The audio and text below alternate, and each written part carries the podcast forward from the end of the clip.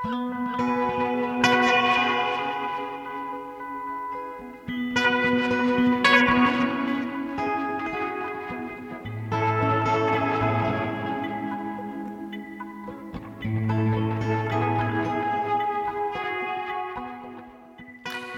sæl og blessuð við sjá helsar ágætu hlustendur þriðjudaginn 15. desember. Við ætlum meðal annars í viðsjá í dag að ræða við Úlvar Þormóðsson réttöfund en hann hefur sendt frá sér bók sem hann nefnist fyrir augliti. Hefur undir titilinn Dagatal og hefur að geima dagbókarfærslur Úlvars á árunum 2018 og 2019. 19. Ég mætti mér mót við Úlvar í morgunsárið að sjálfsögðu á skólavörðustygnum heimavelli Úlvars meira en það hér rétt á eftir. Við erum líka að fara í heimsók til ungrar listakonu Ingi Bjarkar Fridriksdóttur En eh, hún er nýflutt heim frá bandarækjunum eftir framhaldsnám í elektróniskum tónsmýðum og upptökutekni. Hlustendur heyra í dag af verki sem að hún samti fyrir listaháttíð í Reykjavík og nefnist meira ástandið verk sem er bók en samt ekki bók, heldur tónsmýð, hljóðverk en eh, með því að fletta síðum bókarinnar þá er jafnvel hægt að komast yfir í síndar veruleika meirum þetta í viðsjá í dag. Greta Sigriður Einarstóttir, hún fjallar í dag um samkomur og listviðburði en margir velta því fyrir sér hvernig framtíðin verður þegar takmarkanir vegna heims faraldurs verða liðin tíð. Heyra handabönd sögunu til. Munu fjárfundir halda velli og hvað gerist þegar við meðum aftur sapnast saman fara í leikús, sækja tónleika og uppleistra Og uh, bókvíkunar á ráseitt að þessu sinni er skálsagan Jóhann Kristófer eftir Róman Róland, franska réttumundin, bók sem kom út í tíu bindum á árunum 1904 til 1912 og uh, í íslenskri þýðingu Þórarins Björnssonar og setna Sigfúsar Daðarssonar fyrstu þrjú bindin árið 1947. Þetta er þróskasaga tónlistar snillingsins Jóhanns Kristófers og sækir Róman Róland meðal annars innblástur í æfi Beethovens en einnig í æfi annara frægara tónskálda. Í verkinu setur Roland fram hugmyndir sínar um eðli listarinnar, um leið og hann krefur hinn ímsu þroskasteg mannsins og um það hvað fælst í því að vera listsnillingur. Gildi þessa verks hefur ekki síst verið talið eh, felast í lýsingu á evróskri menningu þarna í kringum aldamótin 1900. Ég ætla að ræða við Gísla Magnússon, professor við Mála og menningardeild hugvísindasviðs Háskóla Íslands um þetta verk og höfum þess í viðsjá í dag Gísli sérfróður um þetta tímabil í evróskum bókmyndum, doktor í sjálfum Rilke. Svona verður viðsjá í dag á getur hlustendur en við byrjum í miðborginni í morguns árið, við byrjum á skólaverðustygnum.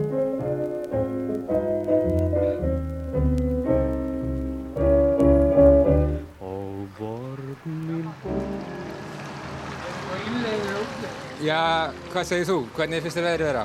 Já, gett bara. Ekki fínt veður. Jú, ekki bara taka hring. Jú. Ég ætla bara að geima, ég ætla að geima þetta bara. sem fyrir börn og þótt svo tárið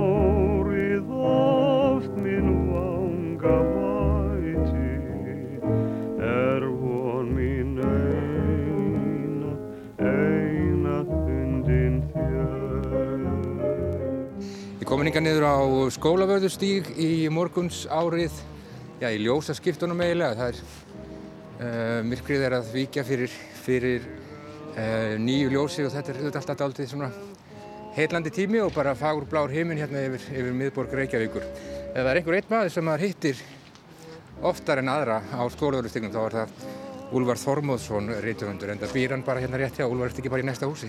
Ég var það, ég var það, ég flúði. Þú flúðir? Þegar þeir fóru að, að hérna, loksins að laga klutthúsi, þá flutti ég. Þá fórst þú? Já. Já, nákvæmlega. En þú varst að gefa út bókúlvar sem að heitir Fyrir augliti og hefur undirtitilinn Dagatal og þetta er, já, þetta er eiginlega, já, dagbókar færslur þínar á, frá tveimur árum er það ekki, 2018 og 19? Jú, það er rétt, það er rétt, það er rétt. Já. Það er rétt. Ég vildi vita hvernig, hvernig hérna dagarnir væri svona eftir á. Ég var eiginlega hættur að greina það við sundur. Ég hugsaði. Hvað, Já, hvað en- gerði ég fyrir þetta? Gerði ég eitthvað í fyrir þetta? var þetta bara eins í dag eins og í gegn eins og í dag? Mm Svo, þannig að ég byrjaði á þessu Já. og sá það að þeir dagarnir voru ekki eins. Nei, nákvæmlega. Það voru ekki eins. En þetta er svolítið um, já, lífið hér á, á þessum reit og þetta uh, samfélag sem að þú tilherir hér í miðborginni, Úlfar. Það er, það er stjættarkaffið og það er skálkaskjól, Já, sakamannabekkurinn. Já. Þetta eru helstu kennileitin. já, það er rétt sko. Ég er núna að koma úr stjættakaffinu. Já. Það er bara í mótni. Það er eh, alla virka mótna. Já. Og það er hittist svona, já, mjög hardsóðin klíka, góða og gáða fólki. Já, góða og gáða fólki sko. einmitt, akkurat. En svo ertu, ferðu líka með okkur í ferðalag, þú ert, ert kanarífugl, þú ferð til Kanaríja og spilar, spilar minigolf. Já, það er rétt, það er rétt. Ég, ég, ég hérna, með árunum þá þól ég eh, verð myrkrið. Já, einmitt. Þá þarf ég að sofa svo helviti mikið. Já. Og þá ferðu kannski á þessum árstíma. Já, það er þessum ekki. Já, nákvæmlega. Og þú horfum mikið á fótbolta. Já, ég geri það, Já, ég geri það. Það er svona nöytt. Já. Og þá er maður líka sko í öðru, enn öðru samfélagi. Það er ekki sama samfélagi sko, stjættakaffið og, og skálkaffið. Skálkarnir. Nei, Nei. Er skjólið farið eða er það ennþá? skjólið er sko, það, það er yfirleitt aldrei gefið upp hvar það er. Nei, það var nú hérna, við erum bara að lappa hérna, fram hjá því þetta, já. nákvæmlega núna. En síðan er það búið að vera á fjórum stöðum. Já, einmitt. Nákvæmlega. Og þetta er svona, já, þitt, þitt samfélag, en þetta gefa út uh, dagbækur eða dagbókar færslur, Úlfar. Varstu, ég meina þegar þú varst að færa þetta til bókar, þú, þú hafði ekkert útgáfu í huga, eða hvað? Nei, ekki le- lengi framan að hafi ég það ekki neitt. Þetta var bara fyrir sjálfan mig byrjað Já. til að halda mér við efnið. Já. Ég var í öðru leið. Og þú hérna veltir því nú fyrir þér á allavega einum stað í bókinni, sko, hvort, hvort eh, það sé eitthvað varðið í dagbækur ef maður er búinn að, búinn að breyta þeim eða, eða, eða svona, já, fínisera hlutina. Já, e- það, ég var eiginlega veltið að vinna hvort það væri þá nátt dagbók lengur ef maður breytti þeim eftir það. Og færi að ljú, ljúa upp einhverju inn í það. Já, einmitt. Ja, svo maður núttunum fallega á að skálda upp eitthvað það. Já, en þú náttúrulega lýsir líka bara þínum réttstörfum og uh, þú ert að skrifast á til dæmis við, við unga rétthöfunda og, og hvetja þá til dáða. Já, mér finnst það skipta máli. Ragnar Helga og fleiri. Ha, Ragnar Helga og fleiri. já, já, já, já, já, já. Ragnar Helgi hefur náttúrulega teiknað fyrir mig kápur í, Já, á held ég einu fimm bækur. hann kann það, Hann kann það, manna best. nákvæmlega. Um, ertu sjálfur svona hrifin af, af hérna, svona hvað maður að segja, maður getur sagt að þessi bók sé svona, þetta er svona óður til, til kvundagsins myndi ég að segja, svona hinn hnarreisti kvundagur. Já. Ertu sjálfur hrifin af svona, svona persónulegum literatúr? Lestu hann og berðu, berðu eftir hún? Ég les allan fjandan, Já, skilur. einmitt. En e, e, hérna, ef, ef, já, ég veit ekki, ég, mér, mér finnst sko svona persónulegur e, litteratúr nokkur, nokkur mikið þurði ef hann er sko, ef hann er skila til mín af einlægni, ef, ég finna að menn er ekki að með einhverja helvítis uppgerði. Bara beint frá hjarta. Já, Já, eiginlega þannig, já. Og þetta eru auðvitað svona samtíma heimild, þú ert, það eru svona, ég segi ekki palladómar um, um fólk, þú tala nú bara held ég vel um, vel um flesta sem að þarna koma við, við sögu og svona, svona bara einhver, einhver hérna þægilegur þessu og svona bara sátt, myndi ég segja. Já, er það ekki? Jú, Er það ekki? Ég, þú ert ekkert að stakla. nei, nei, ég nota náttúrulega bara annan vettvang til þess að þennja mig já, einmitt. og gera það. Ég byrti í þessari bók þá pistla sem ég hef þurft að skrifa til að þegar ég hef verið að þennja mig. Já, nákvæmlega. Skrifar í, í herðubreið meðal annars. Já, já, já. nákvæmlega. Nú erum við komin hérna bara upp á skólavörðu holtið og þar blasir við þetta hérna Hallgrímskirkja. skýindrin? Já, það er falleg. þessi ský? Hvað heitir þessi Er, ský? er þetta ekki ský? Glitský. Þetta er þetta að vera. Já, allir ekki, þetta sé ekki glitský. Falleg. Mjög falleg. Þú ert ekki hrifin af Hallgrímskirkju, Úlfar? Ekki innvortis Nei, eða hljómbyrðum henni. nei, einmitt. Hann er svo fjandi vondur. Já, einmitt. Er, hefur þú ekki myndið það sjálfur? Jú, jú, jú. Ég hef bara ekki sagt það upp átt. Nei, nei, það er nú það sem það sem að ger, gerir mig að því sem ég er. Ég segi alltaf margt upp á. Já, en, en hérna, þú ert, þú ert þá fluttur úr, úr miðbænum, Úlfar. eða? Nei, ég flytti bara hérna niður að niður á skúlagöldu Já, til að sjá meira hafinu. Og... já. En þú myndir ekki, myndir ekki trífast annar staðar en hér eða þessum slóðum? Nei, nei, nei. Þetta er þitt samfélag og þinn heimur. Ég er ekki um að 500 ganga sko líka einmitt, nákvæmlega. upp á skólaugustíð. Já, Þetta er aðgatan bænum. já. Og maður stendur sig að því að öfunda þig aldrei af þessu, þessu samfélagi, þessu, þessu borgarlífi sem, að, sem að þú lifir. Ég það náttúrulega kannski ekki ástæða til þessu öfundum en ef þá koma og vera hérna bara með mér í þessu, Já, þá sleppaði öfundina, hún er fjandi mér. hún er ekki góð. Nei, Nei. hún, hún getur, hún býtur, hún magar, það veit ég að henni. Hvernig lega dagarnir hjá núna ertu sveitur við skriftir? Ég ger það, Já. já, já. En, en svo er það nú bara þannig líka að hérna, þetta er líka svona lestratími, Já. Eiginlega meira. Ertu að fylgjast mikið með því sem kemur út? Já, ég er búinn að lesa. Spænir það í þig? Ég held sé bara nánast búinn að að spæna í, í, í mig það sem að mig langar mest í. Já. Hvað er best? Það er best. Mm -hmm. Það er nú ekki fallegt að mér að segja það núna í kauptíðinni hvað er best, sko. Þannig að ég þegi, ég þegi ég. Nákvæmlega. Eh, er nú aðeins að byrta til hérna, Úlfar, hvernig verður, dagurinn hjá þér? Ég vil þó segja frá einu hérna Já, sem að, sem að hérna var til umræðu hjá okkur góða og gáða fólkinu morgun. já, Það er ljóð eftir Gildi Elíasson. Uh, uh, frá Snæfellaströnd. Uh, ég, ég, hérna, það má ekki fara með það, nei. Það verður að lesa það. Þú, get- þú slærði bara upp Uh og hvernig sem þú kemur því síðan til áhærandar sem það er feiknarlega sterkt og líklega styrsta ljóð. Er það í nýju bókinu það? Já. Já. Ég finn það. Eh, nú vísa í þinni bók sem er einhvern veginn svona kunnuleg en samt með tilbreyðum yfir kaldan Eiðisand einnum nótt ég sveima mikið núr horfið Norðurland nú er ég komin yfir strikið. Já, já, þetta er, þetta er, þetta er skaffýsta afbreyði Já, sem var þó orst í miðbænum. sko. Já, einmitt, nákvæmlega. En já, eins og ég segi það er aðeins verið að byrta til hérna, Úlfar, hvernig, hvernig verður þessi dagur hjá þér? Kaffið er búið í morgun, Kaffi búið. fótbolti?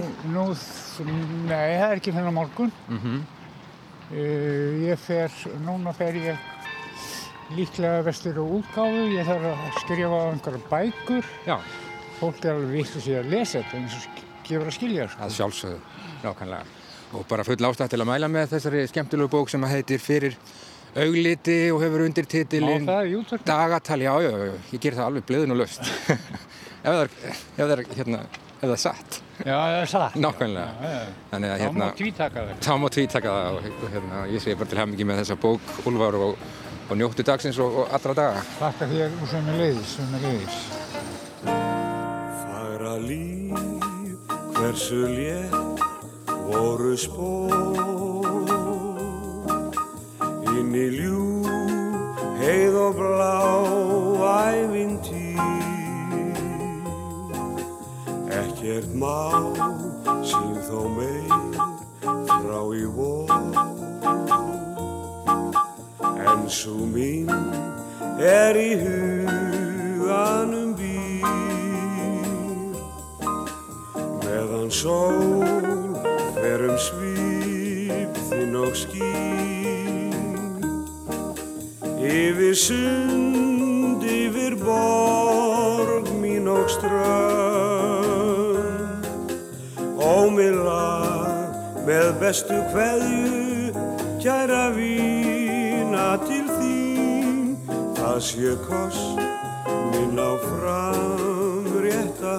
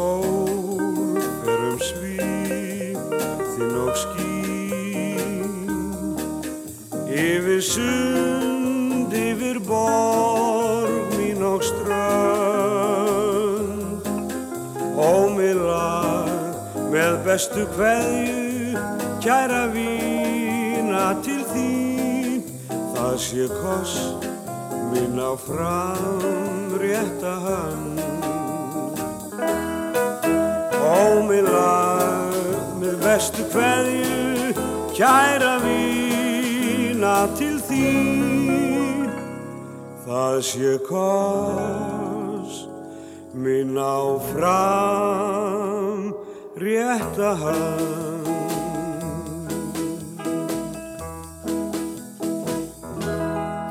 Já, Haugur Mortens, hann sendi þarna sína allra bestu kveðju.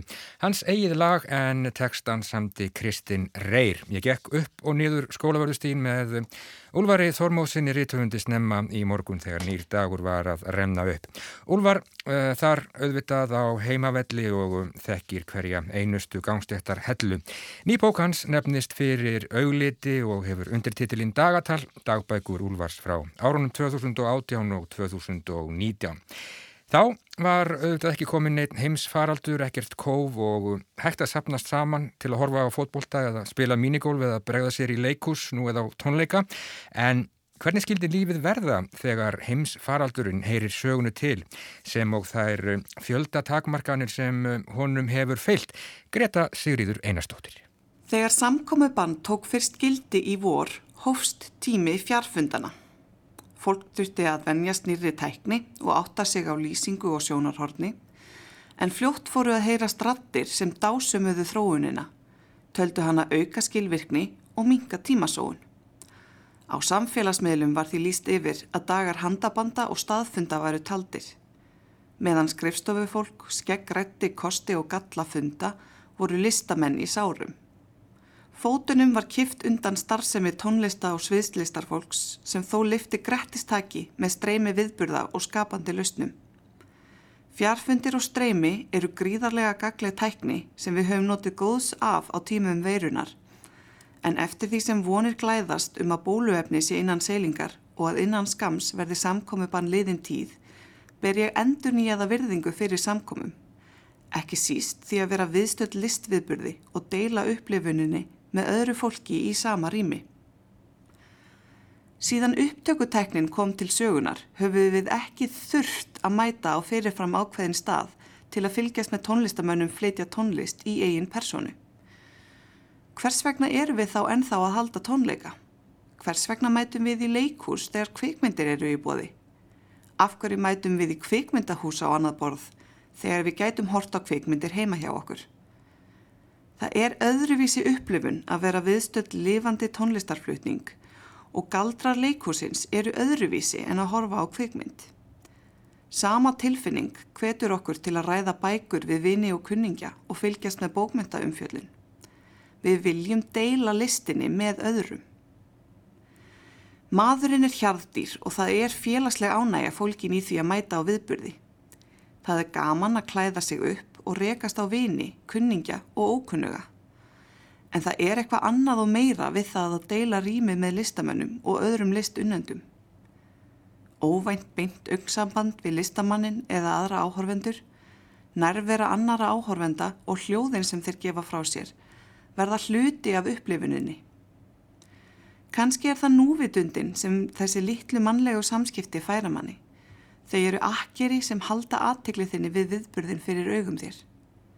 Heima er auðvelt að láta hugan reyka, jafnvel taka upp síman meðan maður fylgist með kvikmynd eða streymi á starri skjá. Jafnvel list sem hendar vel að njóta í einrúmi öðlast aðra vít þegar við deilum henni með fólkinu í kringum okkur. Á háfaðasömmum tónleikum tekum maður þátt í fagnadarlátum og alltaf því ósjálfráðum upprópunum með öðrum.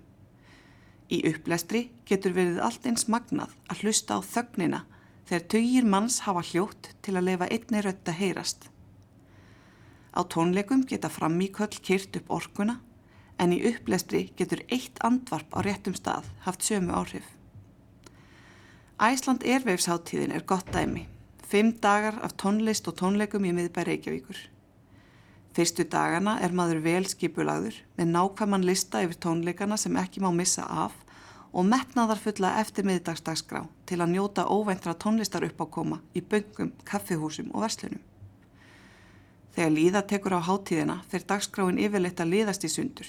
Maður eldir vini á tónleika sem voru ekki á planinu og missir af öðrum. Sumir tónleikar valda vonbreyðum en aðrir koma skemmtilega á óvart og yfirleitt á hverri hátíð eru í það minnsta einir tónleikar sem sitja í mér mörgum árum eftir hátíðina. Tónlistarháttíð er marathón í að opna sig fyrir upplifun og deila list með öðrum. Það er ótrúlegt hvað það að umlíkja sig listrænu og skapandi andrumslöfti getur opnað þig fyrir eigin tilfinningum. Það er tömleysi og alglemi í því fólkið að leifa sér að láta hrífast fullkomlega af listrætni upplifun. Tónlistarháttíðir eru ekki lífsnauðsynlegar til skamstíma litið en án þess að fá uppbróti tilveruna verða dagarnir aðeins grárri og litlausari. Þegar leið á samkomubannið fór að fjara undan skilvirkninni sem fjarfundinni sköpuðu. Þegar allt er skilvirt og framleiðnin er í hámarki, er ekkert pláss fyrir þið óvænta. Það sem kveiki nýjar hugmyndir á vinnustaf og greiðir fyrir lausnum eru tengsl og samskipti við annað fólk. Það sama gerist á myndlistarsýningum og ferðum í kvikmyndahús að deila upplifin með öðrum auðgar hana fyrir alla aðila. Við erum sjálfsagt mörg að velta því fyrir okkur hvað gerist þegar heimsfaraldrinum líkur. Ég hef enga trú á því að margt það sem við höfum tamið okkur í samkomiðbanni sé komið til að vera. Um leið og heilbreyðis yfirvöld gefa grænt ljós mun ég aldrei framar heilsa fólki með olbúanum niður ganga með grímu þegar ég versla jólagjafinnar. Ég vona þó að heimsfaraldurinn fái fólk til að sjá að nýju virðið í hlutum sem við töldum áður sjálfsagða. Ég vona að samkomubannið hafi opnað augu vinnuveitinda fyrir kostum sveianlags vinnutíma og að auknar vinseldir fjarfunda fækki óþörfum flugferðum. Allra helst vona ég þó að það sem fólk gleimi ekki þegar lífið kemst aftur í eðlilegar horfur er hverstags luxusinn sem er fólkin í því að koma saman til að njóta listar og vera umlökin rýminu þar sem listviðburður fer fram. Ég er ekki bara spennt að fá aftur tækifæri til að mæta á viðburðuna sem ég stóðu til bóða fyrir samkomiðbann. Ég er spennt fyrir að mæta á slíka viðburði með endur nýjaða virðingu fyrir upplefuninni. Ég er spennt að sjá hvernig listamenn bræðast við því að fá aftur tækifæri til að koma fram og spennt að sjá hvaða nýjungum þetta ástand kynntir undir. Ég hlakka til að sjá hvað fólk skrifar á tímum samkomubans hvað það semur, hannar og málar. Ég get ekki beðið eftir að rekast utan í mannesku sem er að horfa á sama verk og ég í galleri. Ég hlakka svo til að borða lakrískonfekt úr plastpoka svo skrjáfið í umbúðunum trubli ekki aðra leikúsgesti. Ég þrái að vera aðeins of heitt á tónleikum á skemmtistæði miðbænum eða að heyra stakan tónlistagest klappa heikandi á vittlausum stað á sinfoníutónleikum. Ég sakna örstuttu þagnarinnar þegar ljóðskátt lítur upp eftir að hafa lokið upplæstri, áður en áhærjundum er ljóst að þeim er óhætt að fagna. Ég sakna allra litlu mannlegu stundana sem gera listviðburð að upplifun. Já, þetta sagði Greta Sigríður Einarstóttir og öruglega margir sem að geta tekið undir þessi orð hennar.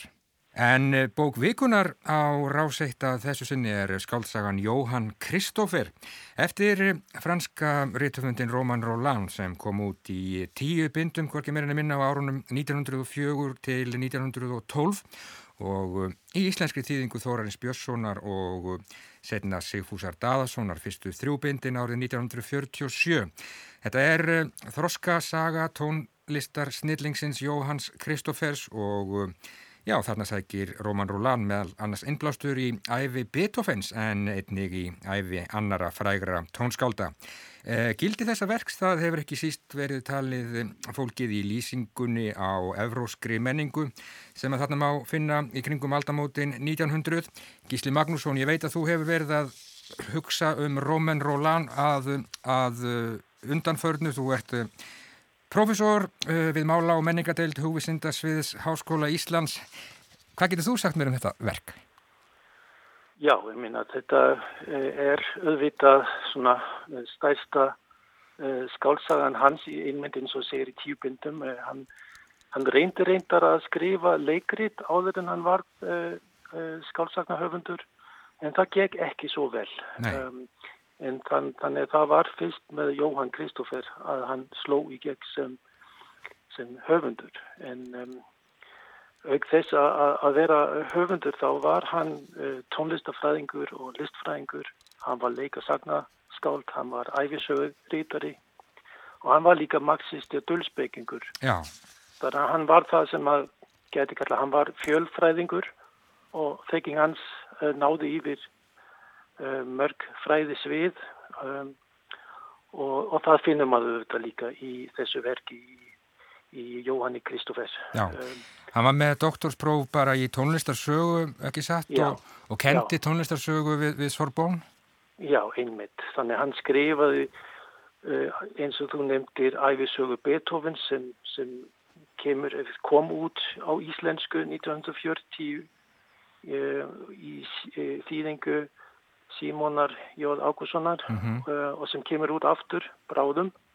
Og um, og, og eh, já, eh, hann, hann, eh, hann fegst við Beethoven bara alla sína æfi í raunni og það eru líka, þetta er engin tilviljun að aðalpersona, aðalpersonan í, í, í þessari skálsugu er þjóðvergi og, og það er kannski heldur engin tilviljun að, að þetta bókin fjallar í raunni um vináttu milli tísk tónskáls og um, fransks höfundar. Þetta er svona tágrann fyrir hugsjónir og Magolón. Hann, vildi, hann var mikill fríðarsinni og, og barðist gegn uh, þjóðernishegjunni í Evrópu um þessar myndir. Nákvæmlega og þarna í þessu verki þá er hann ekki satt að já meðal annars bara að setja fram sínar hugmyndir um, um eðli listarinnar og, og, og svo framvegs.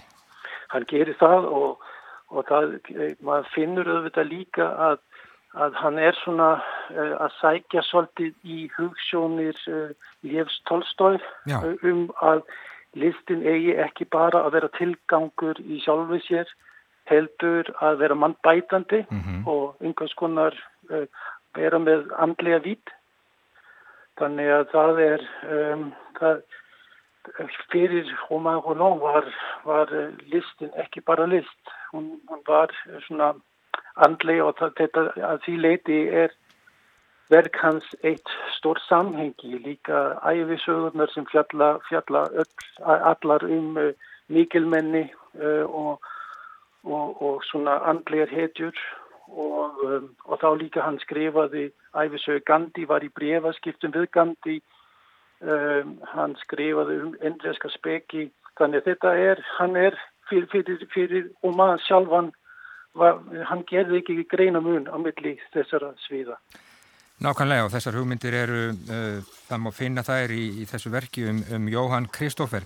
En þú ert, Gísle, er það ekki, þú ert að skrifa ingang um uh, Róman Orlan í, í tengslu við æfarsögu Beethoven's? Já, það er í sambandi við uh, þessa týðingi sem verður endur útgefin hjá Íslensku bókmyndafélaginu ég veit ekki nákvæmlega hvenar en vandanlega bráðum. Já. Þannig að þá, þá fá íslenskir lesendur tækifæri til að lesa þessa lítlu æfisum um Beethoven sem, sem er ekki bók sem er þannig séð full af staðarindum en þetta maður finnur hvernig, hvernig um, Beethoven fyrir Romain Roland var einhvers konar tragisk hetja en líka bara fyrirmynd, fyrirmynd fyrir okkur öll mm. að, að halda áfram að, að berjast í tilverunni. Já, nákvæmlega.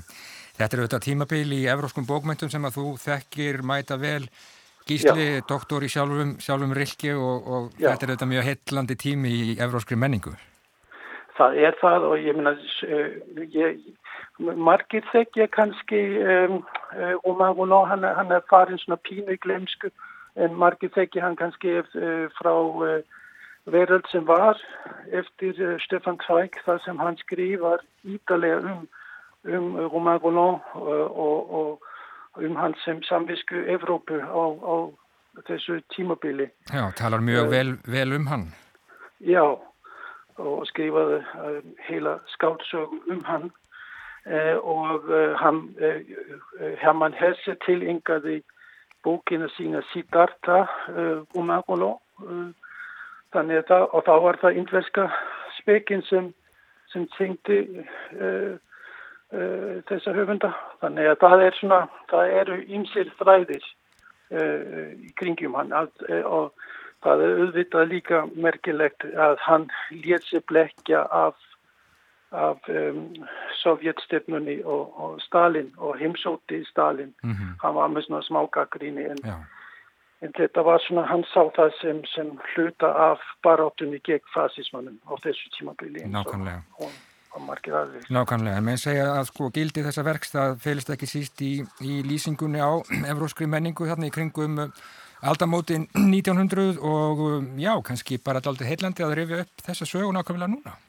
Ég held það, ég held að, að að þetta sé kannski bara mjög fyrir tíma til að endur uppgötva þetta verk sem hefur farið svolítið í glemsku. Nákvæmlega. Laka til að heyra meira í þættinum á sunnudag Gísli Magnússon, takk kærlega fyrir að vera á línunni. Þú ert eh, profesor við Mála og uh, menningardeild hugvísindasviðs Háskóla Íslands. Þannig ég farið nú nokkur með einn rétt með þetta. Ég segi bara takk fyrir spjallið Gísli og Já, njóttið aðvendunar. Takk. Takk sem leðis. Já, skáltsagan Jóhann Kristófer eftir franska réttuvundin Roman Roland. Bókvikunar hér á rás eitt að þessu sinni. Gestir auðar aðalsteinstóttur í þættinum á sunnudag verða þau Freyja Gunnlaugstóttir, skólastjóri mentaskóla í tónlist og Sérar Lemarkví, frönsku kennari. En við ætlum að huga að mjög aðeglisverðu verki hér á eftir, eh, verki sem er held í bæði bók og tónverk og kannski allt þar á milli en það er tími til að lofta aðeins út áður en að því kemur.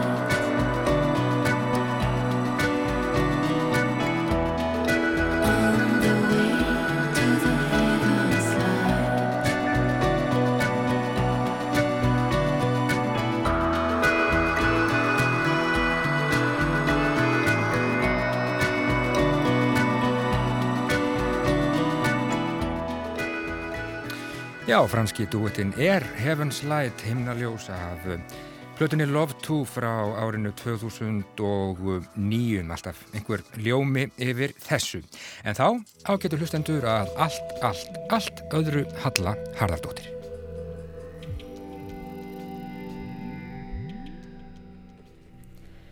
Konan er undurlega sundurleit og fjölþætt, stundum heil, en oftar í mólum.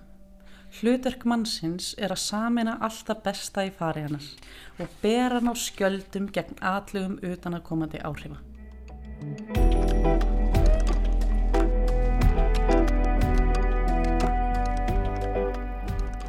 Yngibjörg Friðriksdóttir er tónskáld og hljóðlistakona sem vinnur þvert á miðla. Hún hefði ótt að vera búin að frumsýna nýtt verk á listaháttíð Verk sem að fjallar að einhverju leiti um heið svokallaða ástand stríðsárana. Við Yngibjörg höfum átt plönuð nokkur stefnumót til að ræða þetta verk en frumsýningu er alltaf frestað vegna farsóttar. En Yngibjörg, hún er ekki alveg að baki dottinn og, og meðan hún býður eftir að geta sínt verkið í heildsinni hefur hún skapað upp úr því nýtt bókverk og við erum loksins sesta niður til að ræða þetta allt saman, ferlið og verkið. Það verður sem sagt frumsýning áætluð eftir áramót eitthvað tíman en hérna ég er svo spennt að fá að heyra af þessu, við ætlum bara að byrja núna. Ingi Björg, takk fyrir að taka mót mér. Takk bara fyrir að hitta mig.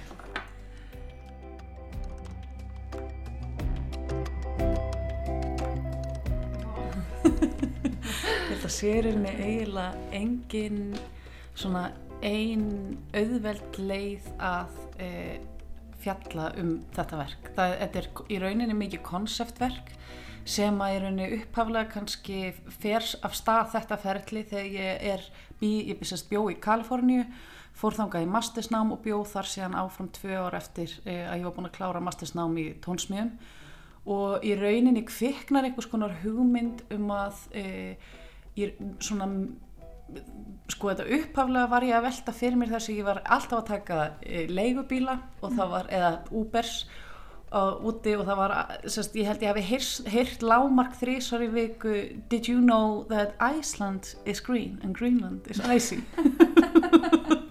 og ég fór að velta fyrir mér hvað væri rauninni merkilegt að við lærum e, heilu sögubækurnar um milliríkja samskipti Íslands og bandaríkjana á meðan að það er einhvers konar e, kannski faktur mæti dags tvö sem að hefur komist inn í sögu vestanhast þannig að þá fór ég að velta fyrir mér þá fer ég reyna á stað á þetta ferli og fyrir að svona hvernig ég oft vinn sem listakona mm -hmm.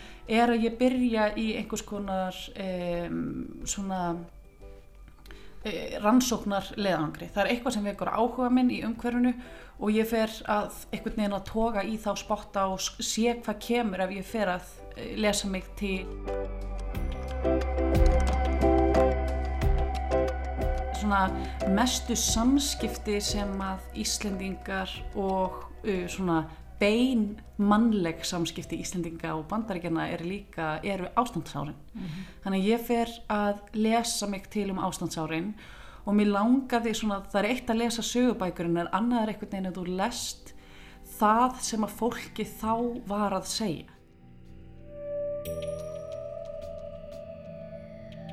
Þegar ég er búin að lesa, ég veit ekki hver margar, sko 150 greinar eða eitthvað álíka, þá er ég sérstaklega komin í, hérna er komið svona svolítið síðar og ég er komin í resit, ég var flutt heimrindar síðan og síðan fer ég út aftur í residensju, listarresidensju sem heitir Headland Center of the Art sem er rétt norður af San Francisco.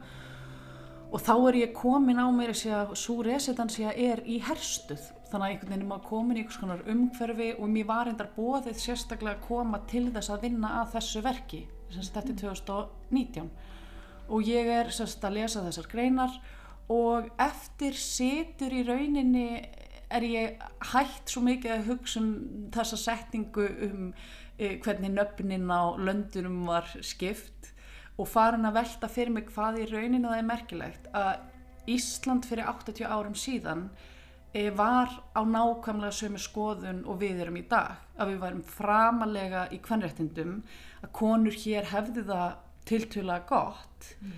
e, með að við á flestum öðrum stöðum og en það var svo óbáslega augljóst af orðaforðanum og greinunum sem ég var að lesa uh, að það, það kannski verð kemur einhver svona byrtingamind af samt skoðunum um ástarlíf kvenna sem er kannski miklu djúbstæðara og kannski miklu áhugaverðara að velta fyrir sér heldur en já, já, ég veit, já, það er að fyrir að vekja mikið áhuga minn og kannski setur eftir þessi spurning uh, hvernig mun uh, samtal samtímans hljóma eftir 80 ár og það í rauninni verður verkið.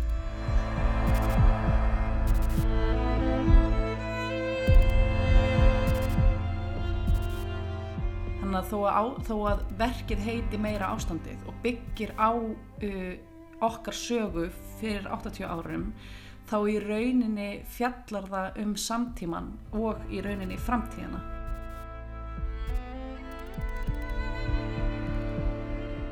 það er kannski mín von að hver og eitt siti með verkinu sem er akkurat fer svona svolítið þvert á miðlað verkið er e, bókverk það er innsetning af listaháttíð í Reykjavík og það er e, plata sem kemur út með tónlist. E, mín nálgun auðvitað alltaf á mína listsköpun er að ég er tónskáld. Þannig að ég sé það til dæmis að skapa þetta bókverk er fyrir mér e, tónverk líka. Og ég nálgast það alltaf út frá þeim frá í rauninni þessu svona hugmyndum tónskáld sem hvernig maður skapar verk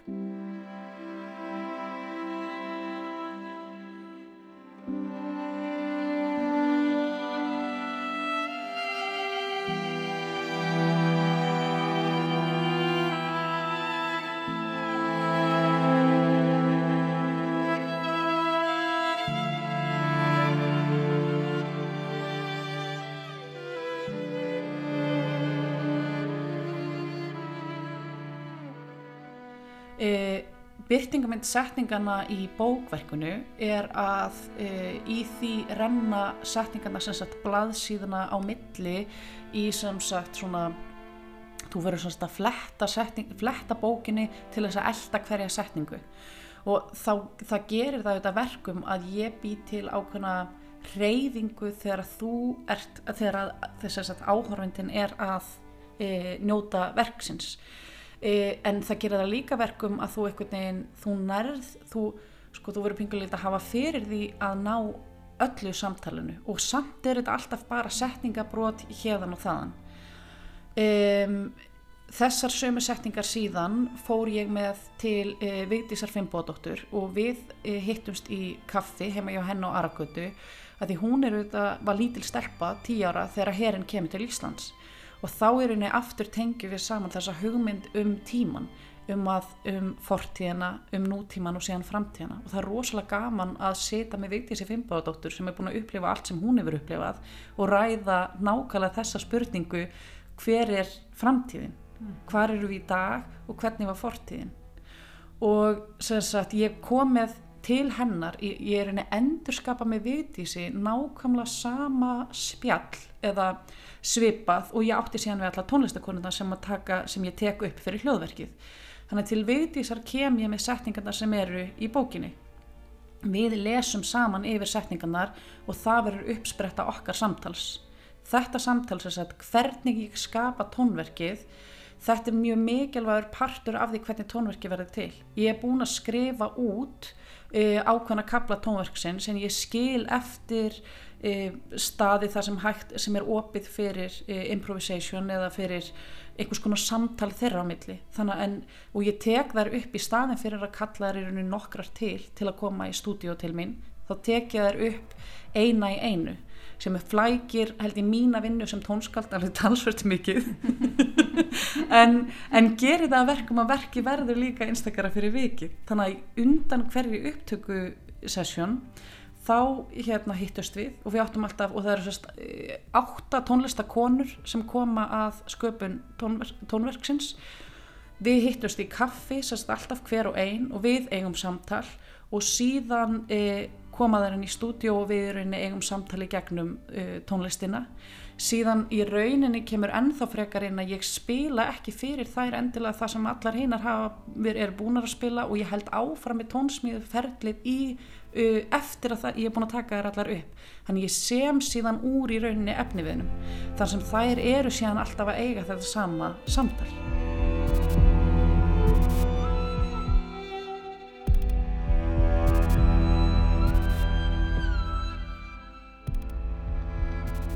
Skækjulefnaður fína fólksins er yfirleitt ekki ofnumber. Hann fer fram á fínum stöðum fyrir luktum dyrum og er nefndur samkvæmislíf. fólk fer í rauninni mjög djúft í hvernig konur eiga að haga sér mm og hvernig siðsamlegt er fyrir konur að haga sér í e, sínu mm ástarlífi mm -hmm. Og í rauninni kannski þú veist og það er svo gaman að fylgjast með því hvernig farið margar mismunandi leiðir að því. Í rauninni samt alltaf með sama markmið fyrir hendi sem í rauninni kannski er svolítið að reynað stjórna konum hvernig það er eiga að haga sér í sínu ástarlífi. Mm -hmm. og það er sko, þú veist, þetta er siðferðislega rámt að vera með e, hermunum, þetta er sko gegn þinni, sko, þetta voru Íslendingar í hérna sinni sjálfstæðisbaráttu og þetta er ímislegt annað sem að e, tengist þarna inn mm -hmm. en það eru samt litli rauðir þráðar og kannski byrtingamind alls konar setninga sem ég kannast við enn í dag mm -hmm. og nú var ég íslensk konar sem var núna 2020 eða þarna 2000 17-16 flytt til bandaríkina og mér fannst ótrúlega merkilegt að fylgjast með því djúbstæðum áhuga margra á mínu ástarlífi Erlendis. Einmitt. Hérna þú nýtið er ástandið sem uppsprettu en það kannski fjallar ekkit endilega um ástandið per se. Samtalum samtíman með tungumáli fórtíðarinnar eins og þú segðir. Og kannski fær þá verkið okkur til að hugsa um, um það þess að, að láta okkur líta okkur nær í dag. Mm -hmm. Og hugsa já, ok, hvernig tölum við um konur í dag eða kannski bara hvaða hópa sem er mm -hmm. sem já. eru á jæðrinum í dag mm -hmm. Já, og ég held að þetta sé akkurat svo mikilvægt og ég held að þetta sé líka auðvitað er hægt að taka þetta Ég held alltaf þegar maður fer af stað í eitthvað svona ferðalag þegar maður er listamæður þá verður maður alltaf á ákveðnum tímapunkt að ákveða hvar á minn fókus að liggja það hefði verið jafn auðvilt í raunin að fjallum taka nánast nákvæmlega sama efni og velta fyrir sig hvernig við tölum um útlendinga mm -hmm. veist, eða, eða innflytjundur á Íslandi sem er kannski þarna í fyrsta skipti sem stór sko hluti og ég menna auðvitað er þetta mjög sérstakar aðstæður og ég ætla ekki að segja það en svo er ástandi líka svo skemmtilegur tími nákvæmlega á þeim fossendum að það gerist eitthvað í samfélaginu sem gerir það verkum, það myndast ástand mm -hmm. sem gerir það verkum að við kannski e, sínum aðeins, þú veist það við bara með því að tjá skoðanur okkar svona mikið þá líka kannski kemur okkur að svona já, kemur eitthvað svona mengi af skoðunum fram sem kannski -hmm. annars myndi ekki vera til staðar og þess vegna verður það líka áhugavert að e, skoða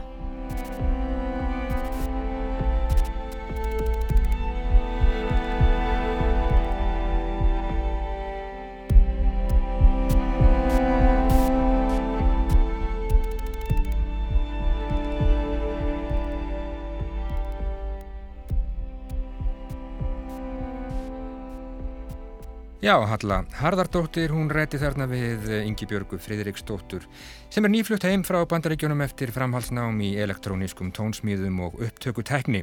Hlustendur heyrðu hér af verki sem að hún samti fyrir listaháttíð í Reykjavík, verki sem að kallast meira ástandið verk sem er bók en samt ekki bók heldur tónsmíð. Það er rétt að geta þess að all tónlistin sem að hljómaði í þessu inslægi, hún var samin af Ingi Björgu en hljómplattan kemur út þegar verki verkið hefur verið frumsýnt á listaháttíð. Eins er hægt að skoða bókverkið á heimasíðu listakonunar ingimusic.com Og svona ætlum við að ljúka þættinum í dag við sjá hér aftur á sínum staðlaust eftir klukkan fjögur á morgun. Þá verður maður að nafni Ludvig van Beethoven í burðar hlutverki en á morgun 16. desember verða Nákvæmlega 250 ár liðin frá fæðingu hans meira en það í þættinum á morgun. En uh, þetta er búið í dag. Teknimaður í þessari útsendingu var Kolbeitt Sofjússon. Takk fyrir samfélgina í dag. Kærlega verið sæl.